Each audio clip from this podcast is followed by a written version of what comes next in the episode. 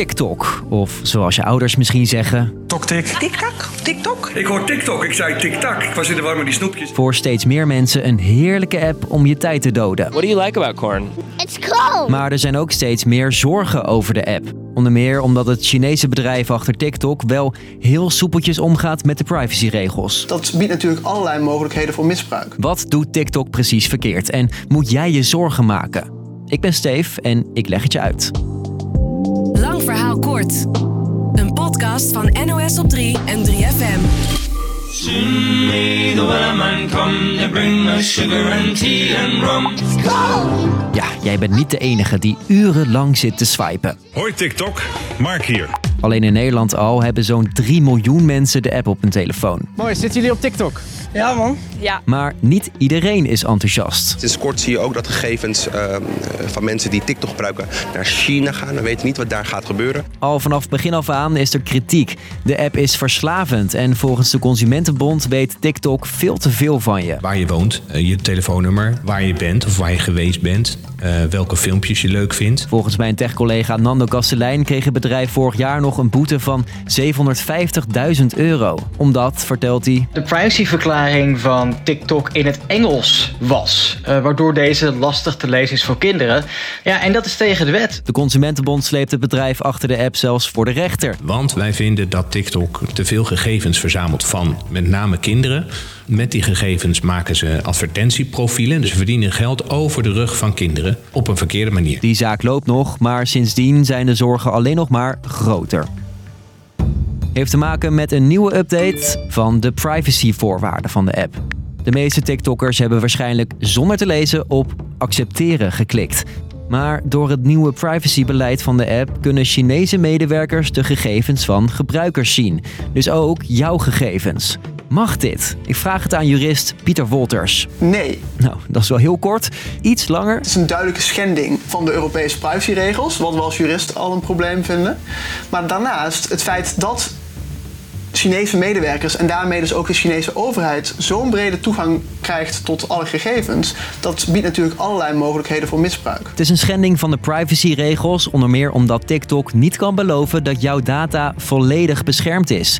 Volgens Pieter is het namelijk niet uit te sluiten dat jouw gegevens bij de Chinese regering terechtkomen.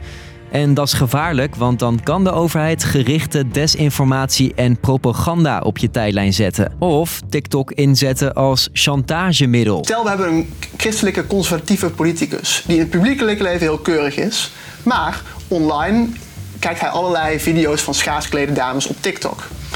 Als die dan kritisch is op het Chinese regime, zou het Chinese regime hem kunnen chanteren en vragen om even te dimmen met die kritiek. Ze weten dan precies waarmee ze hem kunnen chanteren, omdat ze al die gegevens van hem hebben. En moet ook jij je zorgen maken? Geen idee. Mij maakt het toch niet uit, want ze doen het toch allemaal. Instagram verkoopt het, TikTok, waarschijnlijk Snapchat ook. Dus boeien. Nou, het is niet niks, zegt jurist Pieter. TikTok kan nu wel heel veel van je zien. Het, het kan eigenlijk alles zijn. Het kan eigenlijk alles zijn. Zulke dingen als likes, hoe lang je ergens naar kijkt, dat geeft aan waar jij gevoelig voor bent en waar je dus mee gemanipuleerd zou kunnen worden. En die politicus die kwetsbaar is, de Consumentenbond vreest dat jij dat net zo goed bent. Doordat je bijvoorbeeld nog onderzoekt of je misschien homoseksueel bent of iets dergelijks. Dat is informatie die van jou is, die je misschien nog helemaal niet met andere mensen wil delen. En dus ook niet met uh, bedrijven die nou ja, daar misschien gericht op gaan adverteren of zo. En ook de ChristenUnie vindt het maar niks. Zij zeggen we moeten TikTok verbieden. Wij moeten als overheid ook onze burgers beschermen. En daarom zeggen wij dat op deze manier wij echt willen dat TikTok van de markt gaat. TikTok volledig cancelen, dat zou hypocriet zijn, zegt China-kenner Manja Koetsen. Want bijvoorbeeld Insta weet ook heel veel van je, maar daar lijken we geen moeite mee te hebben. Want het is geen Chinese app. Dat vind ik echt, dat is natuurlijk complete onzin. Het is een beetje ook gek als het inmiddels al uh, wereldwijd de meest populaire app is. Om dan nu even te denken van, hé hey jongens, uh, we zitten met Chinese apps opeens. Voorlopig kan TikTok sowieso nog zijn gang gaan. Europese toezichthouders doen nog onderzoek naar de app. Daar weten we als het goed is begin volgend jaar meer over.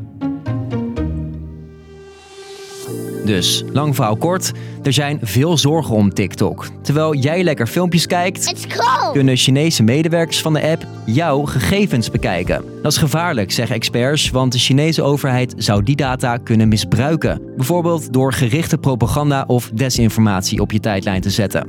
Dat was hem. Elke doordeweekse dag zijn we er rond de klok van 5. Heb jij nou een goed idee voor een podcastaflevering? Moet je ons even mailen op lvk.nos.nl, want die data is bij ons nog niet bekend. Doei doei! 3FM. Podcast. Altijd alles achter de schermen willen kijken? Wij geven je een backstage bandje met de 3FM podcast De Machine. Je hoort van mij en van Niels alles over festivals, streamingdiensten en briljante nieuwe muziekideeën.